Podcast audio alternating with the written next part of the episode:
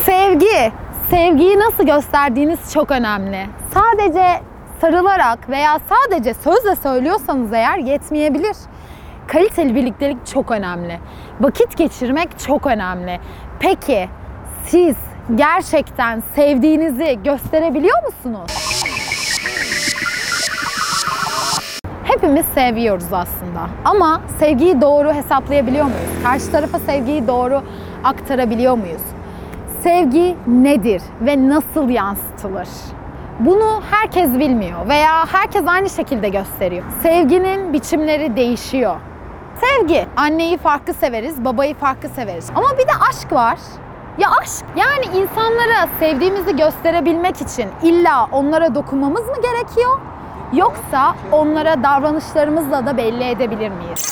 Çılgınlarca seven insanlar var ama onu karşı tarafa yansıtamıyor. Hiçbir şekilde yansıtamıyor. Bunun sebebi şu. Sen o insanın sevgi dilini bilmezsen eğer sen ona sevgini göstersen de o o sevgiyi anlamayacak. Çünkü o sevginin bakış açısı çok farklı. O sevgiye fedakarlık olarak bakabilir. Fedakarlıktan kastım bunu e, iletmek istediği açı olabilir. Yani onun için bir şeyler yaparsa eğer, onun için sevgisini göstermek için her şeyi yapabileceğini gösterirse eğer bu karşı tarafı sevgiyi hissetmesini sağlayabilir. Herkes sevgisini öperek veya sarılarak veya sözle gösterebilir. Ama aynı şey değil. Mesela ben sözle söylenilmesini seviyorum. Hareketlerle davranılmasını istiyorum. Ama asla mesela hediyeleşmek benim sevgi dilim değil. Hediye aldığım zaman sevildiğimi hissetmiyorum.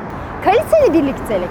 Kaliteli birliktelik nedir? Kaliteli birliktelik onu sinemaya götürürsün, onu yemeğe çıkarırsın, onu çok güzel yerlere götürürsün, gezdirirsin. Bu da bir sevgi göstergesidir. Veya onun için bir çöpü çıkarman bile bir sevgi göstergesidir. Aslında hiçbirimiz karşı tarafın sevgi dilini bilmeden ona sevdiğimizi hissettirebiliyoruz dememeliyiz, diyemeyiz. Ben sarılaraktan sevgimi belli ediyorum ama karşı taraf belki sarılmayı sevmiyor, belki öpülmeyi de sevmiyor. O onun için bir şeyler yapılmasını bekliyor. O, o zaman hissediyor sevgiyi. O zaman sen de onu o şekilde ilerleyeceksin. Sevginin beş dili vardır. Bu beş dil herkese sıralaması değişen bir şeydir. Bazısı fiziksel temasla önceliği odur. Bazı kaliteli birliktelik, hediyeleşme, fedakarlık ve sözle söyleme. Bunun sıralaması herkeste değişiyor.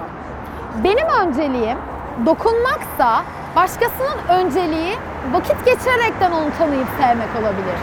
Peki ya fedakarlıkta hizmet etmek yani onun için yemek yapmak, onun için bir yerlere gitmek, onun bir yerlere gitmesini sağlamak, ona yardımcı olmak bazıları da öyle hissediyorlar. Birçok erkek veya kadın futbolu çok seviyor. Neden? Çünkü karşılıksız sevgi. Ona sevgisini veriyor. Orada stadyumda hissediyor sevgiyi ya. Neden hissediyor? Çünkü rahatlamış hissediyor. Aslında sevmek rahatlatır. Biz incidenlerden olmamak adına karşı tarafın sevgisini gerçekten saptayabilmek için bilmemiz gerekiyor. Onun sevgisini nasıl gösterdiğine bağlı olaraktan aslında bizden almak istediği sevgi biçimi de aynı.